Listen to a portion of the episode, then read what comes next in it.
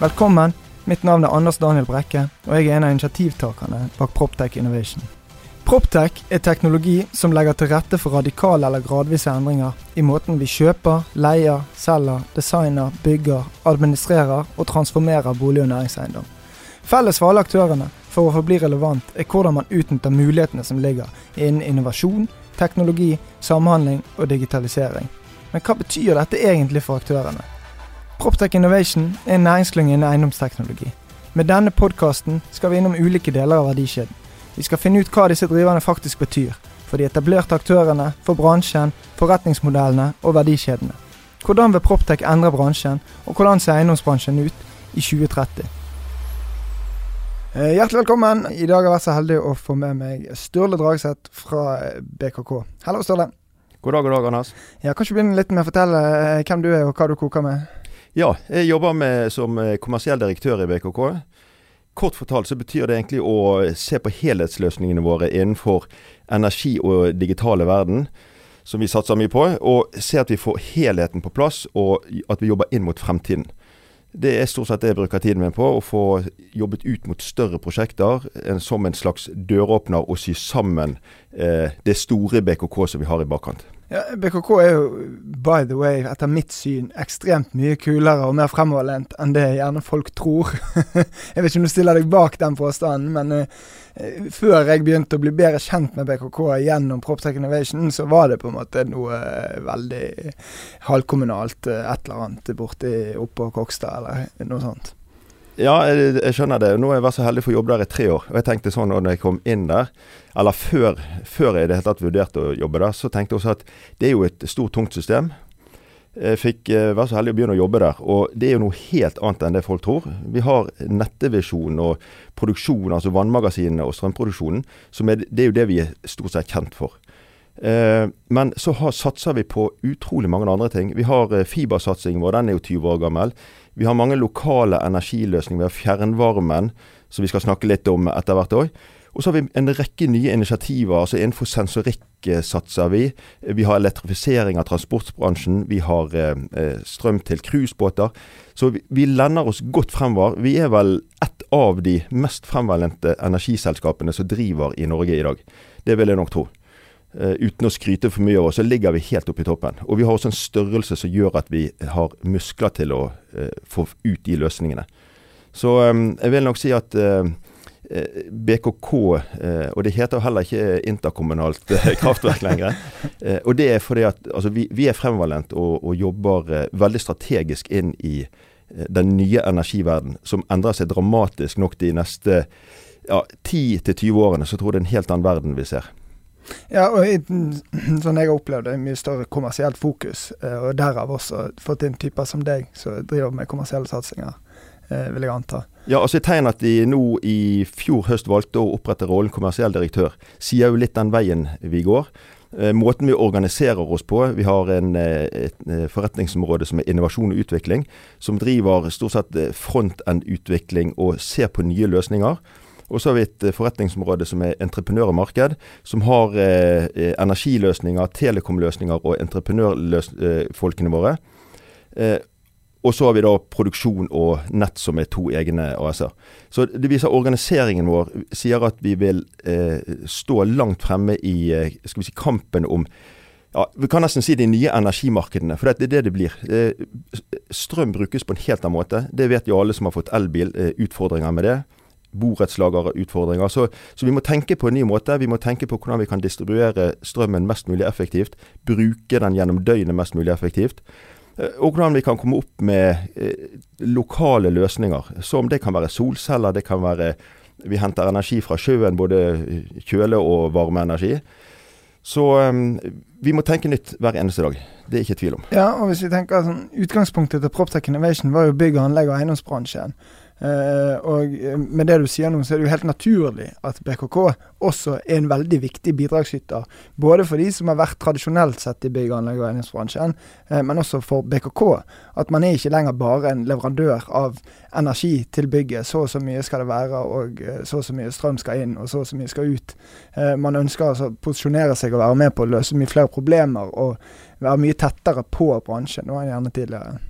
Ja, ja, og det er jo et, altså, et godt eksempel er jo at vi er, vil si, kanskje etter Bob tyngst inne i Proptech Innovation. Eh, for vi ser jo dette, altså Næringsbygg står for et, en stor del av eh, klimaavtrykket. Vi leverer energien i disse byggene. Vi har både, altså vi har, Alle i vår region har BKK Nett i stikkontakten. Eh, BKK leverer også, selger også noe strøm i bedriftsmarkedet. Vi har fjernvarmeløsning. Vi har andre lokale løsninger. Eh, men så kan vi hjelpe til å dra ned energiforbruket. Og der eh, satser vi nå mer og mer på sensorikk, og vi går inn og investerer i selskaper som driver med effektivisering av energi. Det betyr jo at vi får eh, da, skal vi si, i verste fall solgt litt mindre av de tradisjonelle løsningene våre. Men så får vi være med på den reisen og tjene penger på det å implementere disse løsningene. For de kommer uansett. Så der distribuerer vi litt av vår egen butikk, men vinner det igjen på å ta en posisjon i det markedet. Og det er kjempeviktig for oss, at ikke vi nå eh, sitter rolig i båten, og så mister vi markeder. For eh, ser vi på nye bygg, så er energibehovet mye, mye lavere enn på gamle bygg. Så, um, så, energibehovet går ned, men det kommer mange andre løsninger som, uh, som, vi kobler på. Da. Sensorikk, vi har fiber inn i nesten alle næringsbygg i regionen vår. Kan vi koble på sensorikk, uh, levere data gjennom vårt fibernett, så er det en vinn-vinn. Eh, situasjon for både huseier, leier og for BKK, som får økt omsetning på det området.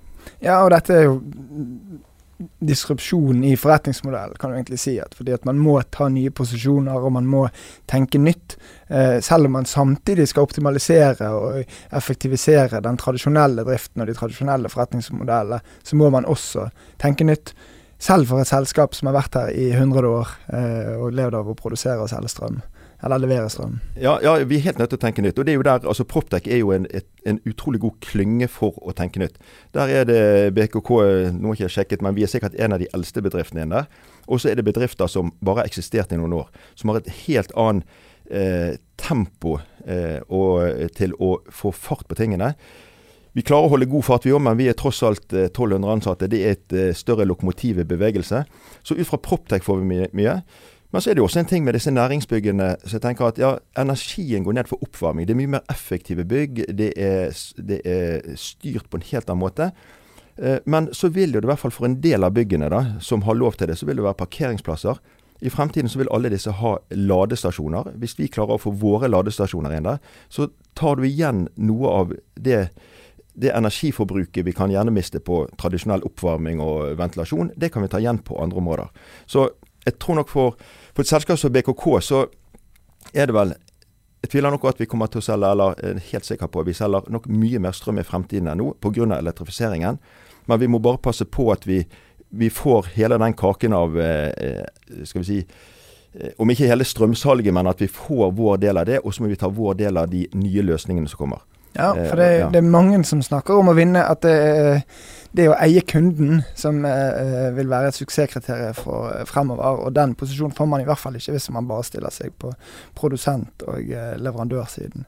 Eh, så det tror jeg er veldig, veldig spennende. Og så er det jo et åpenbart at BKK har en kjemperolle i forhold til bærekraft og de målene vi skal gjøre. Hva det Bergen kommune skal være eh, klimanøytral og fylket skal være, ha nullutslipp innen 2030. Hvilken rolle spiller BKK i dette? Altså det er åpenbart en stor rolle. Og det kan vi se på en av tingene, altså De leveransene så, som er på plass nå, det er jo f.eks. strøm til, til cruisebåter. Nå kommer det nok dessverre ikke så mange cruisebåter denne sesongen. ja. Men jeg sitter og ser nedover eh, eh, sentrum, og jeg ser jo den eh, forurensningen som kommer ut av disse båtene her. Så det er jo ett viktig grep. Eh, et annet viktig grep er jo bl.a. Altså det å eh, stille, stille, nok ladeplasser til disposisjon for eh, elbilene. Vi har den store ladeplassen på Solheim. Det var jo i sin tid vel verdens største, før Tesla etablerte en mye mye større i California. Men det var en periode verdens største, og det er ganske kult. ja, det er ganske stilig. Ja. Men så er det klart en utfordring også sant, her i Bergen. Nå fikk jeg en oversikt i går. Vi er en av de minst elektrifiserte storbyene i Norge. Så, så, det er en stor jobb å gjøre her. Og vi prøver jo, og vi jobber jo sammen med Bergen kommune hele tiden for å se på hvordan kan vi hjelpe til å få gode løsninger på plass. Eh, og det kan kanskje være også inne i eh, regulering og planarbeid av nye områder. Sant? Ja, Dokken kommer. Mm. Der må det stilles krav til, eh, til løsninger. Eh, og vi har Ravneberget, som er jo faktisk en eh, BKK-tomt pga. stasjonen som står der. Der kan det skje ting. Så det, det er mange områder, hele Laksevåg-siden skal det gjøres ting med. Så det er mange områder her vi kan være med og ta Vi må få de nye områdene i hvert fall til å bli så eh, energieffektive. At det, det basically blir et nullregnestykke på 60 år. Det er det de definerer mm. sånn zero emission neighborhood. Jo, men dette var litt interessant. Så det du sier at vi, som by eller kommune, da, så vi, henger vi bakpå på elektrifiseringen. Uh, i, i, forhold til at vi klarer ikke å levere nok strøm, er det det du da mener? Ja, altså Nå vet jeg ikke helt grunnlaget for de, den oversikten jeg så, men hvordan de har regnet det. Uh, men jeg vil jo tro sånne ting som bare det å få, få uh, strøm til cruisebåtnæringen vil løfte oss et godt stykke opp. Sant? For det er mm. enormt mye energi som kreves der. Og det er mye utslipp du sparer. Ja, for det er vel bare eh, i antall elbiler eid i forhold til befolkningen, så er det vel bare én by i verden som har tettere, altså flere elbiler per eh, innbyggere enn Bergen, og det er Oslo. Ja, vi eh, så vi har jo, er jo avhengig av å få dette til å fungere. Ja, ja da, og dette kommer til å fungere. For at, altså, det er jo litt sånn om, om uh, man vil eller ikke, så, så, går jo det den veien at det blir mer og mer elektrifisert. Eh, Vedovner får seg til at oljefyr det er forbudt. Så, så, det går en vei der at til slutt så vil det være elektrisitet alle bruker. Og vi er jo så heldige i Norge at vi har eh, altså den reneste strømmen produsert basically i verden. Altså det er vindkraft og det er Eh, vannkraft, som i hvert fall CO2-avtrykket eh, er helt i toppen. Så kan man diskutere om det er altså det er alltid en kamp mot, mot vindkraft, men det er et helt annet. Det er, det er naturvern. Det er egentlig ikke miljøvernet vi snakker Nei, om. Nei, jeg tror ikke vi skal ta Nei, den, den debatten her. her. Eh, men, men, det går den veien der. Og, og, vi trykker jo hardt på det. Det har jo vår gode konsernsjef Jannicke sagt flere ganger vi skal være ledende på elektrifisering. Um, og det, det, det, ser vi at vi er, gjennom bl.a. dette Plugg-selskapet som er opprettet, som da sørger for nå havnestrøm i, eller, til cruisenæringen i Bergen. Uh, vi har jo flere punkter fra tidligere til Hurtigruten osv. I Ålesund er vi inne med Ålesund havn gjennom det samme selskapet. Så så vi tar disse posisjonene her. Ja, og Hvis dere skal lykkes med eh, altså, Så kreves jo dette enormt stor grad og kompetanse på digitalisering, på innovasjon. Alt dette henger jo sammen. Eh, så Det er vel en av eh, hovedårsakene til at dere ser at type Proptech Innovation kan være viktig inn mot bygg- anlegg- og eiendomsbransjen, eh, og at dere gjør, har gjort de restruktureringen internt for å rigge dere både på kompetanse og på fart, ikke minst, eh, for å kunne ta disse nye posisjonene og finne disse nye løsningene? Eh, ja, absolutt. Og, og mange av de nye løsningene, og no, noen av disse løsningene er jo ting som man for fire-fem år siden aldri ville tenke på at BKK skulle begynne med. F.eks. det å satse på eh, eh, sensor- og sensorikkteknologi, som kommer til å eksplodere fremover. Og Da kan du være med i transport, eh, altså til og fra eh, til og fra eh, næringsbygg. Nå som BKK flytter i skipet i Solheimsviken januar 21. Har du riktig sensorikk, så kan du følge med hvordan vi beveger oss i bygget. Soner som er lite bemannet eller mye bemannet, så kan du ha oppvarmingen deretter. Eh, og regulere det på en mye mer effektiv måte. Du kan følge med eh, også faktisk mange som tar kollektivtrafikk og, og kommer med elsykler eller vanlige sykler. Eh, så, så, dette her er jo teknologi som kommer til å hjelpe å eh, ikke endre atferden vår, men det kan hjelpe det. Men det kan i hvert fall måle atferden vår, og så kan vi styre det deretter. For Jeg tror nok det står ganske mange bygg i Bergen bl.a. som eh, fyrer for kråkene døgnet rundt. Ja, så De påstår jo eh, det er jo to ting der. Det ene er jo at 60% av kontorplassene står tomme i eh, arbeidstiden. F.eks. sitter meg og deg her. Eh, det, det, jeg har egen kontorplass eh, der jeg jobber. Et eksempel, ja. det er et eksempel. Ja. Eh, så det, det, er jo spennende i seg sjøl. Og så er det jo energistyring. Der skjer det jo utrolig mye. og sensorikken vil jo Uh, har mye å si for hvordan vi går dette, men det vil jo også åpne opp for helt nye forretningsmodeller som ingen egentlig har tenkt på ennå, fordi at vi er i startgropen av en læringsfase på hvordan vi faktisk skal kunne klare å skape verdi basert på den dataen. Ja da, og så, så, skjer det spennende ting innenfor dette med mikrogrid eller mikronett, der du i mindre samfunn kan produsere altså lokal energi gjennom solceller f.eks., og utveksle i det eh, lille miljøet. Eh, der er det en del reguleringer som per dags dato eh, hindrer det litt. Mm. Eh, det er bl.a. altså du kommer fort inn i konsesjoner osv. Og, så og dette skal være avgifter. Du, du kan ikke levere gratis strøm til naboen osv. Men dette her er nok ting som kommer. Det er flere steder i verden. I New York bl.a. I Brooklyn der er det et prosjekt der man kan Det ligger en YouTube-video ute. Anbefaler folk å se den. Der har vanlige folk, som oss to, lagt sol på takene sine og kan dele den med naboene. Og da får du også utnyttet energien når, når du ikke bruker den. Mm. Men det som kommer fremover, og det jobber vi også mye med, eh, det er vel en annen podkast som har vært innom dette med batteriteknologi, mm. som BKK også jobber mye med nå. For å se og forstå det markedet. For eh, batterier er en utrolig god lagring av energi. Det vet alle som har elbil. Det er masse energi du kan putte inn. Så når solen skinner om dagen, så kan du få brukt energien om natten. Når du ikke har noe solproduksjon. Eh, og jeg tror Når batteriene blir eh, rimelige nok, og solceller blir billigere og billigere, så kommer det også til å endre hele, eh, hele dette energibildet. For da kan du faktisk produsere din egen strøm, lagre den i kjelleren din og ta den i bruk eh, eh når du trenger det. Det samme, bare, det samme blir jo også med elbiler etter hvert. Eh, batteriene blir større og større. Det kommer snart faststoffbatterier som kan lagre utrolig mengder energi, lades veldig hurtig. Når den står, om, uh, står i garasjen din, så kan du faktisk, faktisk, hente energi ut av bilen din, strøm inn i huset og forbruke det. Og så lader du da på et rimeligere tidspunkt når strømmen er billigere. Det er jo Bl.a. Tibber har jo uh, funksjonalitet for det. Så, så dette, dette, hele dette energibildet her um, det blir mye mer avansert. Det er etter hvert Det er fortsatt elektroner som, som kommer i, i kabelen, men hvordan dette styres, kommer til å bli kjempeavansert. Ja, det har vært en snedig løsning hvis du har eh, gratis lading på Tesla-stasjonen, og så kan du bruke den til å kjøre eh, komfyren og vaskemaskinen eh, hjemme. Men ja, eh, ta kjeft. Jeg har snakket litt med, med noen gutter på gulvet, eh, og i mine kilder som jobber som elektrikere, og er veldig opptatt av solceller. Uh, og sier at per i dag så er ikke teknologien god nok til at det blir ikke regnskapsvarende før etter 15 år. Uh, eller hva det er. Men det du egentlig sier, det er jo hvordan ser totalbildet ut. Det er der endringen vil skje. Ikke at alle på død og liv skal ha solceller på taket. Nei, altså det, kan, det blir jo totalbildet. Men så er det jo én ting du har reflektert selv etter at jeg begynte i BKK. Det var Hvis jeg nå skulle skifte taket mitt Nå gjorde jeg det for ti år siden, så det slipper. Men skulle jeg gjort det nå, så hadde jeg jo absolutt vurdert å brukt solceller som takstein. For som du sier, 15 år så er du eh, break-even. Eh, disse solcellene kan ligge i 25-30 år. Det betyr at du har når du har tatt investeringen, så kan du si litt enkelt sagt, så har du eh, gratis energi fra taket ditt. Du er også med på å redde miljøet. Sant? Nå, det, nå får du strømmen i kontakten. Den er jo relativt grønn i Norge. Sant? Vi importerer noe, det vet vi ikke helt hvor det kommer fra. Men du, du får en eh, du, Og du er også med på å dra ned effektbehovet. For det blir også en stort problem. Når alle trenger én eller to eh, elbilladere i garasjen sin, og skal lade bilene samtidig når du kommer hjem fra jobb, så kan det bli en utfordring i strømnettet. Så vi har vel, for å si det enkelt, vi har nok energi i Norge i magasinene, men denne effekten som du skal levere, det er det som blir utfordringen.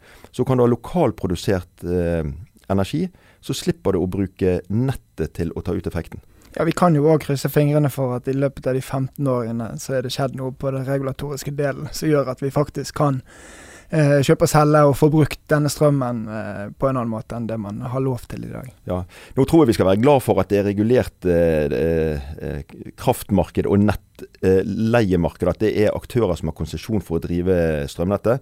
Land som har eh, på en måte privatisert det, der det er til tider forferdelige historier som kommer frem der med folk som ikke kan betale regningen og de kutter strømmen med en gang.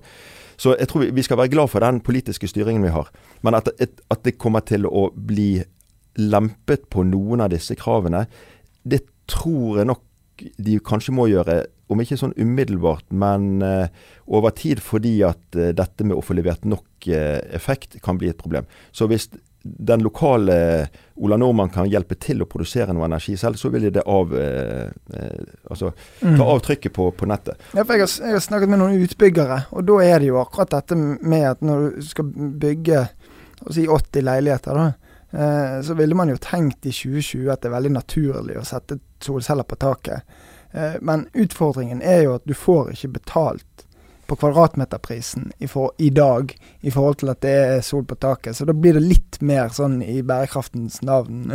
ja, men så er det jo en ting. altså Nå er jo du relativt yngre enn meg, men du er fortsatt for, for, gammel til kanskje å forstå det. Det det viser seg, det er at altså, yngre vil jo de vil være med, for det, det er jo deres miljø vi, vi skal redde, og de som kommer etter der igjen. Eh, og det viser seg at de som bygger ut nå, vi er inne i noen prosjekter der det både er litt miks av eh, næring og bolig, eller bare bolig, så tenker alle sol på taket. Eh, det er jo for det første for da blir det mer bærekraftig klimamessig. Og så gir det et signal om hvilke mennesker som bor der. Vi, blant, vi, vi, var inne i et Bare ta det konkrete eksempelet et leilighetsbygg Når solpanelet kom på taket, eller når det ble bestemt, så ble de tre siste leilighetene solgt. Og det er noe med det at folk vil assosiere seg med en, en miljøvennlig, klimavennlig eh, trend, så lenge ikke det koster altfor mye. Og det er ikke en sånn ekstremkostnad man må legge på. Nei, jeg bare for å si det, jeg tror jo at det er regnearkene det er noe gale med, ikke, ja, ja. ikke solceller på taket. Ja. Og så må jeg bare legge til, det er litt gøy, for her i Bergen så produserer du faktisk ganske bra med sol. fordi at og Litt av årsaken er at det regner såpass mye. For da har du alltid rene solceller. Riktig. Da slipper du støvet som legger på. Eh, og vi har eh, en av oss som eh, jobber med dette, hun har målt solproduksjonen om, om natten i måneskinn relativt begrenset. Men det er ganske gøy. Sånn, det er litt sånn fun facts for oss nerder å, å tenke ja, på. Ja, det er alltid ja. gøy med heimkok. ja, så, så nei, og solceller det er noe vi, vi, så klart satser på. Det kommer inn i nesten alle prosjekter vi jobber med nå av større utbygginger. Så det på på, eh, på planen hvert fall å diskutere. Så er det kanskje noen som velger det vekk. Men eh, eh jeg tror i fremtiden solceller med, eh, kombinert med batteri, så eh, kommer det til å bli veldig bra. Og har du nær, enkelte næringsbygg, må jeg si, de, eh, der vi, estimerer vi produksjonen til å være større enn det de klarer å forbruke, i hvert fall i vår, sommer og tidlig høstmåned. Så da er det energi til overs. Ja, for det var jo litt eh, kjedelig å se at man eh, konsumerte nesten like mye energi på næringsbyggene eh, etter nedstengningen som man gjorde før. Fordi at vi har rett og slett ikke gode nok systemer til å kunne fange opp at plutselig var det ingen som var på jobb lenger. Riktig. Ja, det er jo også noe det som nærings- eller byggbransjen og eiendom, de som besitter eiendommene og leietakerne må stille krav om at uh, vi, vi, må få inn teknologi, og det, det, eksisterer jo teknologi, det kjenner vi begge to til. At teknologi som gjør at du kan effektivt styre bygget ditt, uh, rett og slett fra PC-en eller mobiltelefonen din. Ja, Dette må vi jo løse av mange hensyn. Både det, eh, klima og, og, bærekraft, men også av økonomiske årsaker. Det bør være en kjempeinsentiv til å få på plass løsninger. Det er nettopp det, ja. Uh, litt sånn sidespor kanskje, men vi må snakke litt om hydrogen. for der vet jeg at BKK er på ballen, og det skjer mye spennende. jeg så kan ekstremt lite om hydrogen, så vennligst opplys meg litt. Ja, vi er inne i et prosjekt eh, sammen med bl.a. Equinor eh, om å se på det vi kaller altså grønn eh, hydrogen. Det er, da hydrogen, hydrogen, produsert på vår grønne energi, vannkraften. Eh, og det er jo rett og slett for å bl.a. kunne mate til, eh, til transportnæringen. Den, den, elektrifiseringen vi ser, bare ta litt med transportnæringen, for det er ganske interessant. Eh, vi, vi, har fått full orden på, på, privatbilene og lading der. Så må det sikkert bygges enda flere ladestasjoner. Det er en eh, sak, men det er bare utrulling av kjent teknologi. Bilparken vokser og vokser. Når vi kommer inn på lastebiler, eh, og faktisk ned på litt sånn varebiler, så jobber vi Vi har dialog bl.a. Med, med Posten og Schenker. Det er jo store transportører. Og De driver nå og tester på disse eh, varebilene. Men det er jo mindre biler, og de kan stort sett lade på en, en vanlig sånn 150 kW-lader. Men så når man begynner å øke opp til De antar sånn ca. 25 tonns lastebiler kan du kjøre på strøm. Eh, og det, driver, det skal man nå begynne å teste ut. Det fungerer kanskje bra der du har lite stigninger. På Vestlandet har vi mye stigninger. Blir det svaret? Det der driver, det skal man nå begynne å teste mer og mer på. Og det begynner nå å komme lastebiler som er bygget eh, på strøm. Og så er det der tungtransporten, så tar det opp til 50 tonn, så du kan kjøre på norske veier. Da er det nok hydrogen som er løsningen. Eh, så kan hydrogen også, og det kan jo bli til slutt på både marine, altså båttransportnæringen, eh, om det kommer til fly. Det er jo helt usikkert, men at hydrogen kommer, det tror jeg helt sikkert. I hvert fall når du skal flytte store, store ja. kjøretøy. Så strøm, ja. strøm, er ikke svaret på alt, men du kan bruke grønn strøm til å produsere den hydrogenen. og Det er ganske spennende. Det er nettopp det. og Hydrogen er relativt krevende, energikrevende å produsere. Men hvis du klarer å produsere det med energi som ikke gir noe klimaavtrykk, som da gir, igjen gir hydrogen som heller ikke gir noe klimaavtrykk, så da har vi vunnet den delen av kampen. Uh, og så har, vi, uh, så har vi muligheten altså jeg ser jo litt på dette Det er ikke så lett å erstatte inntekter og olje, arbeidsplasser fra olje og gass. Men jeg tror energi Altså vi har en, et stort fortrinn at vi alltid har produsert eh, grønn energi i Norge. Og jeg tror det, det, er det vi skal også jobbe med fremover. Og det er en enorm eksportmulighet eh, til eh, Europa bl.a., som har fortsatt en del kull. Eh, Tyskland har jo fjernet alle atomkraftverkene sine. Det betyr at de må ta i bruk noe mer kull. Og så bygger de masse sol og vind i Tyskland. Men eh, på en vindstille dag i jeg tror det var januar, en tirsdag kveld, så gikk jo strømprisene rett i taket i Norge. Det var iskaldt i Tyskland og vindstille. Eh, og da trengte de å kjøpe vår strøm. Men det viser også hvor mye energi disse vindmølleparkene gir. Så, så, så, det, så det, blir nok det blir vel litt sånn som det vi ser i garasjen, at eh, vi har både dieselbiler, elbiler, eh, bensinbiler og sikkert noe nytt rett rundt svingen. Ja, kjempe, Kjempespennende. Og også relevant for eiendomsbransjen. i forhold til at De må, må jo tilpasse seg hvordan mobilitetsbildet vil se ut. Og det er jo vanskelig og veldig mye Snakker mye elbil og den type ting, men eh, hva hvis dette blir autonomt, og hva hvis ikke vi skal, de, hvis ikke vi skal eie bilen sjøl? Eh, kunne vi sikkert brukt flere timer på eh, å snakket om eh, fremtiden i mobilitet. Jeg tror ikke vi skal bruke mer tid på det her nå. Eh, men dette er jo superinteressant. Eh, la oss snakke litt BKK Spring. Hva er BKK Spring for noe?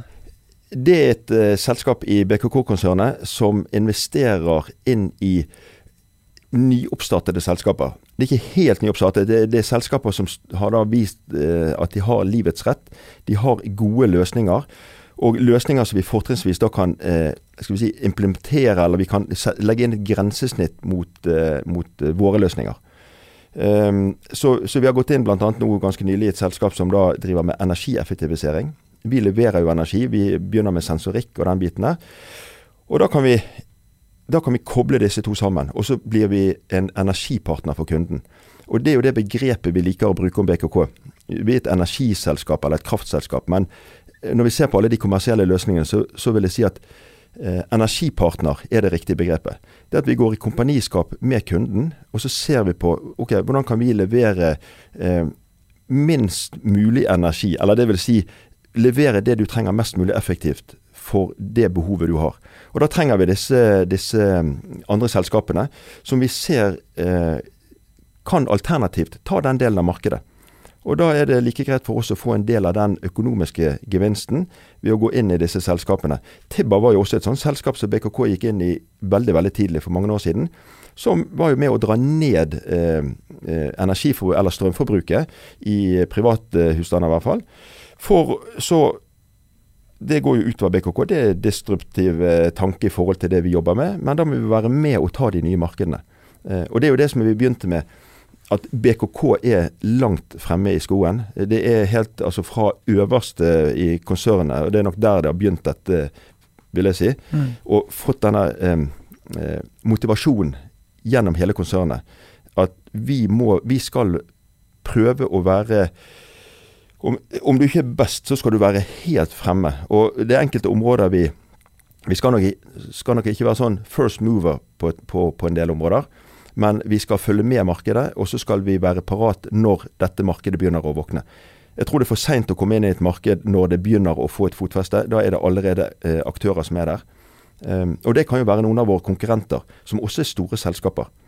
Så, um, ja, det er jo en kulturell krevende greie å uh, ta 1200 medarbeidere og få de til å forstå hvor, hvilken reise man er ute på, og hvorfor disse endringene må gjøres som man gjør. Men hvordan balanserer dere da de uh, effektivisering og optimalisering av dagens drift og uh, forretningsmodeller versus det nye? For dere gjør mye nytt internt òg. Det er jo ikke bare ren venturekapital og investering. Så Hvordan foregår den balansen? Ja, så Vi har bl.a. Eh, innovasjon og utvikling som er et eget forretningsområde som jobber mye med nye løsninger. Det var de som begynte når det var eh, fra elbillading. Ja, det er noe vi skal begynne med. Hvordan skal vi få det på plass? Vi må ha leverandører. Teknologien fungerer det. Eh, vi må finne ut hvor skal vi plassere disse. Det er jo noe som jobbes med hele tiden. Vi må ha en forretningsmodell på det. Og det er jo kanskje noe av det mest spennende fremover, så vi også jobber mye i dette entreprenør- og marked-forretningsområdet. det er forretningsmodellene. Hvordan skal vi levere energi? Altså Hva skal eh, prismekanismen for energi være? Og Da kommer vi fort inn i det, det, siste nye, som er da Energy as a Service. Som et alternativ der kan være å si at eh, vi leverer 21 grader inn i næringsbygget ditt, eller i et privathjem for den del. Vi leverer 21 grader eh, når det er folk der. Eh, og så er det vårt, eh, vår utfordring å gjøre det så effektivt eh, som mulig. Og da leverer vi det til en fast pris. Du betaler en pris per måned. Så må vi da ha kalkulert ut gjennom året hvor mye varierer eh, forbruket. og så må vi, Sånn at vi, vi kan kanskje tape noen måneder, og så vil vi tjene penger noen måneder.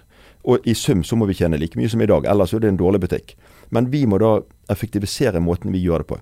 Eh, og dette er også noe som, eh, som og særlig disse store konsulentselskapene som, er, som ser inn i krystallkulen i energimarkedet, sier at dette er jo ting som kommer. Uh, du har jo det allerede nå på, uh, med biler. jeg vet Frydenby har vel, er det iMove det heter. Mm. Der du, du betaler en sum per måned, og så har du en bil tilgjengelig. Så kan du komme og bytte bil nesten når du vil. Så, så, det er litt Det markedet der må vi også følge med i og være årvåken jeg tror nok det går noen år før du ser dette i Norge, men um, at det kommer, det tror jeg nok. Ja, du kan ikke bli fraløpt. Det er jo det viktigste. Men eh, det er en veldig kul tanke. Ja, ja. Basically så enkelt som at vi leverer lys i pæren ja. eh, i stedet for strøm. Det er det. Og jeg kan si det, det som jeg jobbet faktisk Min første jobb det er så gammel at det het Televerket det første året. så ble det Telenor, og så ble det demonopolisert. Og vi, vi ser hvordan telemarkedet er i dag. Så, så, du kan fort komme inn i en situasjon en gang i fremtiden at Eh, at eh, energimarkedet er helt forskjellig fra det det er i dag. Ja. Uten at jeg har noen eh, tanker og, og, mener hvordan det skal være. Men, men, ting endrer seg. Ja, men Hvis vi tenker mot 2030, da. Eh, hvordan ser dere ut da? Um, jeg tror nok vi ser ganske lik ut når det gjelder Da har vi fortsatt vårt konsesjonsområde. Um, vi har jo en ambisjon om å vokse på, med antall nettkunder også, så jeg håper at vi har fått til det å bli bli eh, eh, en av de største. Vi er blant de største, men kanskje den nest største nettaktøren i Norge. Eh, vi produserer fortsatt energi i eh, vannmagasinene våre. Eh, jeg tror nok at også kanskje BKK det vet, Vi har ingen tanker om det nå, men eh, vindmøller er noe som skjer mye rundt omkring. vi er jo inne i selskaper som bygger ut vindmøller. Så vil mye av det vi holder på med Fjernvarmen vil nok ligge der. Den, det er en infrastruktur som vil eh, holde i eh, mange titalls år.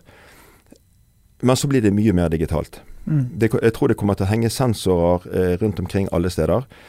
Eh, jeg tror den bl.a. Så, sånne ting som en eh, eh, Når vi leverer inn i disse skal vi si, nye landsbyene, som det nesten blir, så blir de på en helt annen måte. De tenker på en helt annen måte. Eh, det blir blant annet, altså det blir bildelringer. Ikke at vi eh, tenker på det, men, men det, det, disse utbyggerne ser på hvordan de kan effektivisere skal vi si, klimaavtrykket mest mulig. Og da er det å Ja, du kan si du kan ha en delingsøkonomi egentlig på energi. sant? For du, du, deler ut den energien du ikke trenger. Den deler du med naboen din, eller selger med naboen din. Eller du har en felles produksjon, og så bruker folk etter det behovet de har. Um, så det er jo litt vanskelig å spå om fremtiden. Men, jeg tror dere er, er, skjønner at det er definitivt nasjonale ambisjoner. Jeg tror du BKK kom seg ut i den store verden? Ja, vet du hva, det tror jeg faktisk. Eh, og eh, Vi satt i et møte i går, og da nevner jo en av Altså dette med, med, med plugg som driver med landstrøm. Mm. Eh, og EU har jo masse ting på gang når det gjelder eh, redusert klimaavtrykk. Det kommer til å bli store kostnader med, med CO2-utslipp. Det er jo en fordel for oss som kan levere energi uten CO2-utslipp. Eh, men da var det vel i, om det var i Hamburg eller Bremen, så skal de nå ha pilotprosjekt på landstrøm. Så tenker jeg pilotprosjekt på landstrøm. Vi har, vi, det jo, står jo snart, eller det er vel praktisk talt ferdig her i Bergen. Så, så, de kan jo komme til oss, og så kan jo de få levert et komplett landstrømanlegg. De trenger egentlig ikke noe pilotering. Så vi ligger langt fremme på, på mange av disse områdene. Og vi tenker jo også ja, eh, når det gjelder lading langs landeveien. Eh, Europa er jo et kjempestort marked. Eh, vi har stor kompetanse på det. Vi er tre største, er det vel, i Norge på, på billading så klart det er et marked som BKK kan ta sin posisjon. Ja, Det har vært utrolig kult med et uh, 100 år gammelt interkommunalt selskap som erobret verden på uh, enkelte områder. Jeg tror vi må runde av. Jeg, Sturle. Dette var veldig spennende og lærerikt. Så tusen takk for at du kom. Ja, og takk for at jeg fikk komme. Hyggelig.